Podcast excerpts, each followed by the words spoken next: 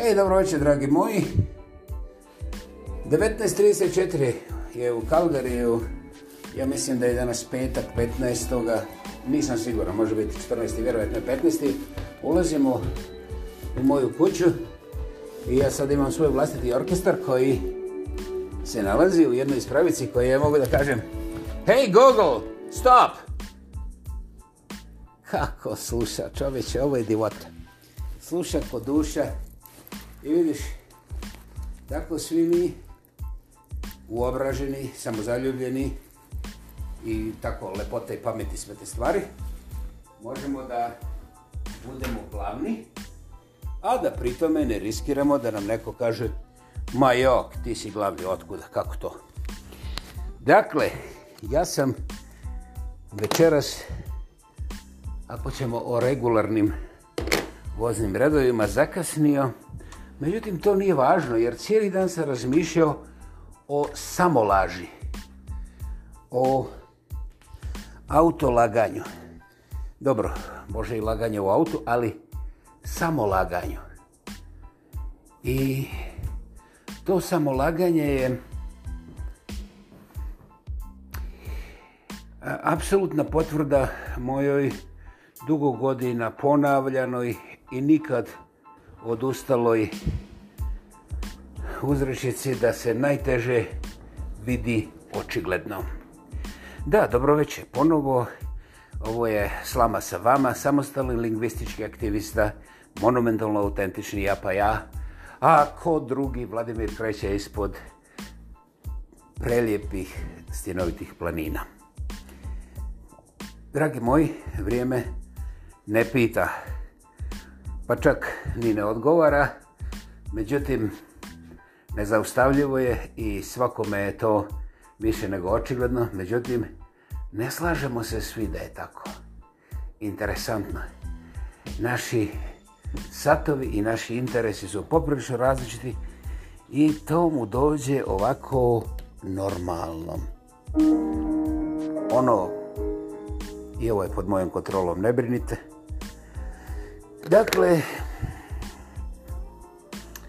svoje teorije o vremenu imaju i donji i gornji, i naši i njihovi i nijedna od njih nije točna. E, ko je onda u igri kao glavni, ovan predvodnik? Znate, ja ću vam reći, Trump. Ovaj, Možda mislite da je vic, ali nije. Naime, prva budaletina koja ima dovoljno e, buzdovana da vas mlatne po glavi ili, ili još uz buzdovane ima dovoljno para da kupi i majmune koji će te buzdovane isporučivati po njegovim prohtjevima je upravo to. Dakle, mi moramo voditi računa da ono što su nas učile naše lijepe mame i tate, pa i škole da je, to ste uočili, ali da li želite priznati ili ne, sebi, ne meni, nemojte molim vas. Ja još uvijek čačkam po nekim svojim stvarima i vjerovatno, a gotovo sigurno ću umrijeti, ne raščačkujući ni onaj bitni dio. Dakle, mi uglavnom proizvodimo naslage prilike kao što je to bio ja ne znam da li je Louis 14 i Louis 140, mislim to me ne zanima. Dobro, evo, složit ćemo sam Louis 14, ajde. Pa da me možete kritizirati. Naime, u to vrijeme nije bilo popularno se kupati, mislim, ono, bez veze. Tamo neke sluge gledajte gologa, znaš, a ti si kralj, moraš skinuti krunu da bi, oproko se, bez veze gluposti, slažem se 100% je moj. I onda su oni morali da se mirišu sa razno raznim tim mirišljavkama, ali ni to nije bilo dovoljno pa su morali da se mažu sa razno raznim uljima i mastima jer su primijetili da kroz ulje i masti znoj i ovi lijepi mirisi znoja imaju problema da u ljetu u prvo garderobu, a onda da izađu iz garderobe ravno ispod nosa ovih koji su ti u neposrednoj blizini.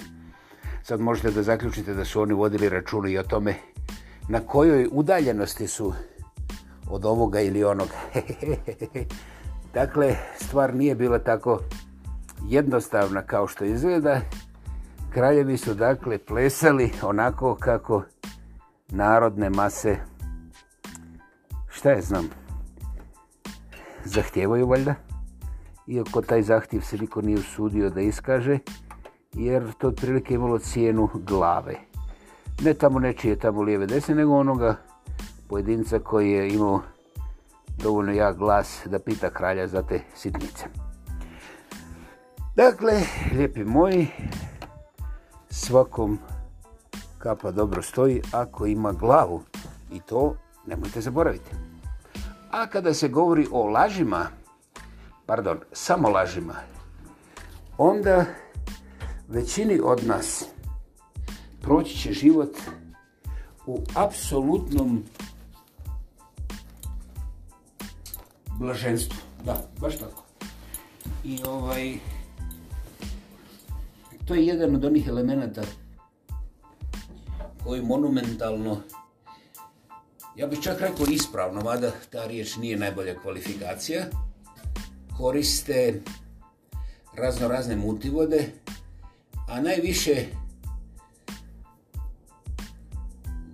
nazovimo ih profesional, crkveni profesionalci, profesionalci iz područja vjere i birokrate, znači oni što sebe nazivaju političarima, a u stvari obavljaju najprljavi dio posla za, ja bih rekao, promet novca, jer naš a, a, glupo je biti predsjednik neke države koja u državnoj kasi nema gotovo ništa i ništa ne proizvodi. A ako nešto proizvodi, onda to sigurno ne proizvode ova garnitura političara na vlasti, nego to proizvode neki moćni, sposobni ljudi koji znaju kako se to radi i onda oni da bi kontrolirali radnu snagu moraju imati tu gospodu birokrate, političare, to je za mene prilike isto, iako nije identično. I ovaj, Dakle, pratite odakle dolazi novac i onda će vam sve biti jasno. E sada kada u toj priči kažete ono, hm, ovaj, pa kako objašnjavaš Trumpa, pa ja njega ne trebam objašnjavati. Ovaj, vrlo je jednostavno pogledati kroz prozor i sve će vam se kazati i jednostavno jesam zgađen, nisam iznenađen. cijeli opis situacije a mi se trebamo vratiti samo laganju. I ja neću ulaziti duboko, mi ćemo to samo dodirnuti jer je apsolutno, apsolutno, apsolutno od velike važnosti da razumijete mehanizam samolaži. Mehanizam samolaži uglavnom svojim najvećim dijelom, a ja bih rekao čak do 110%. Je, je, ostavite priče o logici, molit ću lijepo, razmislite, izvršite prebrojavanja pa ćemo onda možda razgovarati. Dakle, laž u tom jeli iznosu pomenutom u 110% koji vi znate da nije logičan, e, a gdje vi držite to nije moje pitanje, jel? Dakle, je sakriven i vrlo rijetki među nama, vrlo rijetki, vrlo rijetki, monumentalno rijetki, imaju pojma o čemu se radi. I još ređi zapravo imaju ideju o ne samo mehanizmu, nego i snazi samolaži, laganja samom sebi. I to je dovoljno za početak. A kada sam ja počeo otkrivati kolika je moć samolaži koju ja ne vidim, a stalno mi se dešava, je kada me čopila, jeli, moja prva predraga depresija i ja je nisam apsolutno priznao jer sam mislio da se to sve dešava zbog lošeg posla, zbog um, nasilnog šefa, zbog um, šta ja znam, evo mi priča da mi žena pravi probleme, onda znaš, svi su neki okolo mene bili nadrndani, jedino sam ja bio u pravu. I naravno da to nije trajalo 15 minuta. I onda se desilo da sam ja neizbježno morao doći kući. I u toj kući, za razliku od mnogih, ja imam stvarnu, stvarnu ljubav. O kojoj ja inače usputno rečeno pojma nemam, jer, znaš, mi smo od uvijek skupa, prošlo je 10-15 godina, ja imam samo te nekakve plave momente, znaš, i šta sad, ja nemam što, ja znam sebi glup ako ponavljam uvijek isto kakav mi je šef lijevo desno i, i onda mi osoba dođe i kaže nakon pet mjeseci, hej, znaš šta, da li bi ti učiniti bilo kakav pomak jer ova te depresija Kažem, koja depresija? Dakle, ti priča o depresiji. Naravno, to nije potrebalo samo pet mjeseci i ovoga, ja ni jednog momenta nisam posumnio da je nešto sa mnom ne do Bogu, čak i mentalno. Međutim, to je bila, kako je moja predivna Helena rekla, raging depression. Divlja, divlja, rastureća depresija. početak terapije je bio svađa sa terapeutima. Ja sam objašnjavao njima koliko su oni glupi, ružni, nesposobni sad mislim nastaviti te epitete. I kad malo bolje gledam, čak i danas kad ovo pričam, meni uopće nije jasno zašto me nisu ovaj, ne dodirnuli, nego samo pustili vodu i game over, ono, nema dalje. E, e, mogu da vam kažem e, da meni danas nije jasno koliko sistem, čak i u razvijenim zemljama, Kanada jest razvijena zemlja, a ne da ne priznaje ljude, nego ih drži onako na kratkom lišu za male pari i šta oni odluče. Interesantno je da sam i otkrio da je to posve, posve prirodno, jer kada bi se ponašali po elementarnim, ne pravilima, nego potrebama prirodnog stanja u društvu, onda u taj dio više neću dirati.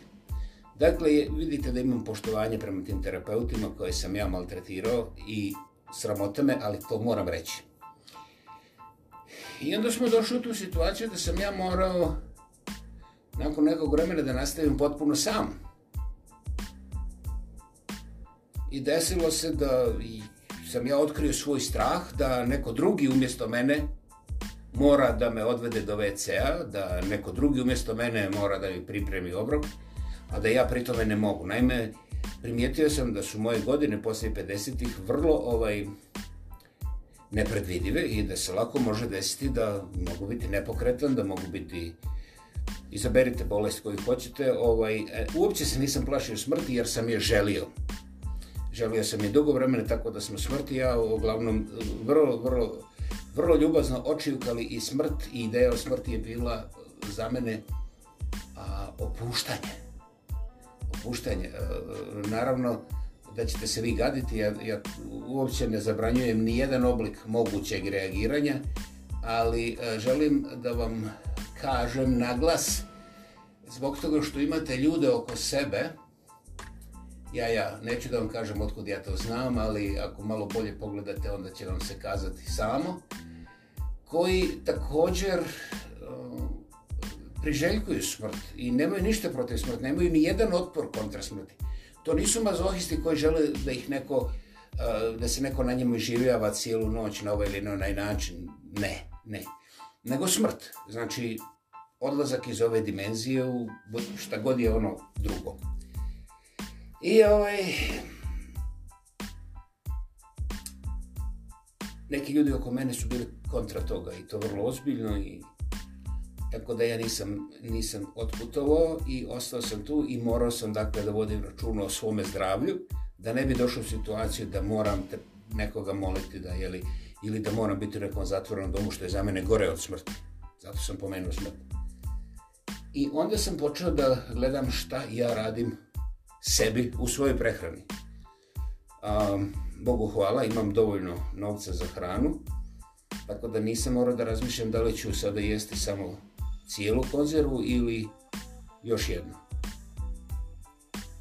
I onda se ispostavilo pitanje da moram da brojim i vodu koja baš i nije skupa, dakle ne moram čak ni da brojim koliko pijem.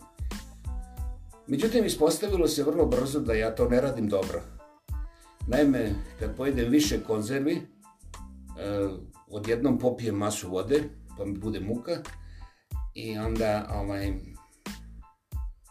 onda mi je sve naopako i ne mogu nikog da se mrdnem i očigledno da moji zglobovi onda bole i sve to skupa, jer ipak, kažem, nisam 16 godina, imam puno više, mislim, decenija nego 1,6.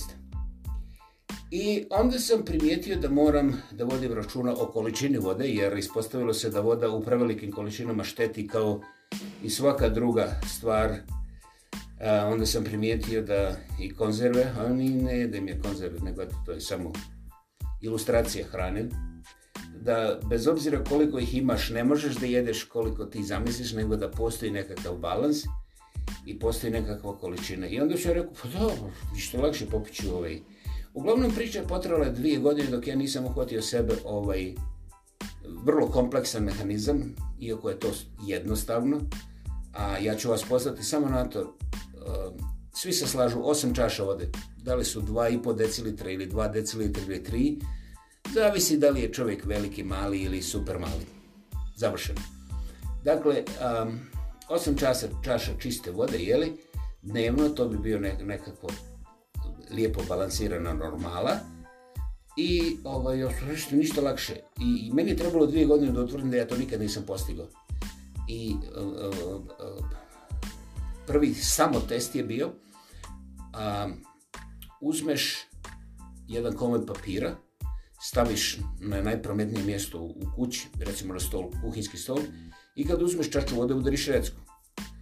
A meni je trebalo nekoliko mjeseci e, da taj papir šeta ovamo i onamo, da nekad ima dvije recke, neka tri, neka dva dana redu ima sve recke, ali da skupim pet dana, to je uzelo barem pet dobrih mjeseci.